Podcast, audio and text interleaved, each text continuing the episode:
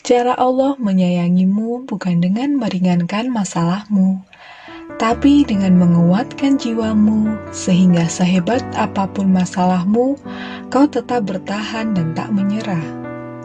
Cara Allah menyayangimu bukan dengan mengurangi beban yang kau pikul, tapi dengan mengokohkan pundakmu, sehingga kau mampu memikul amanah yang diberikan kepadamu.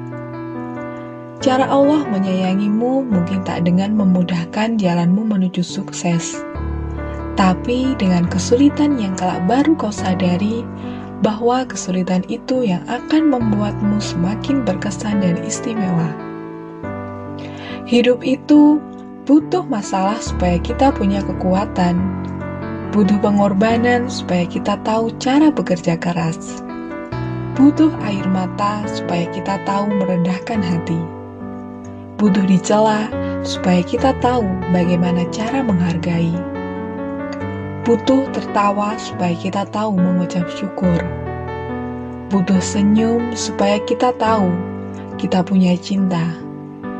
Dan butuh orang lain supaya tahu kita tidak sendiri. Beberapa luka tidak diciptakan untuk sembuh, tidak pula untuk menetap jika ia berakhir dengan keikhlasan, akan lahir menjadi cahaya yang itu adalah hadiah terindah dari Allah. Berbahagialah pada takdir dengan penerimaan yang tulus. Sungguh, mengajari hati berbaik sangka itu indah. Semoga kita semua diberikan keselamatan, kesehatan, kekuatan, kesabaran, dan rezeki yang melimpah karena hati perlu dihibur, ditenangkan, dan dikuatkan.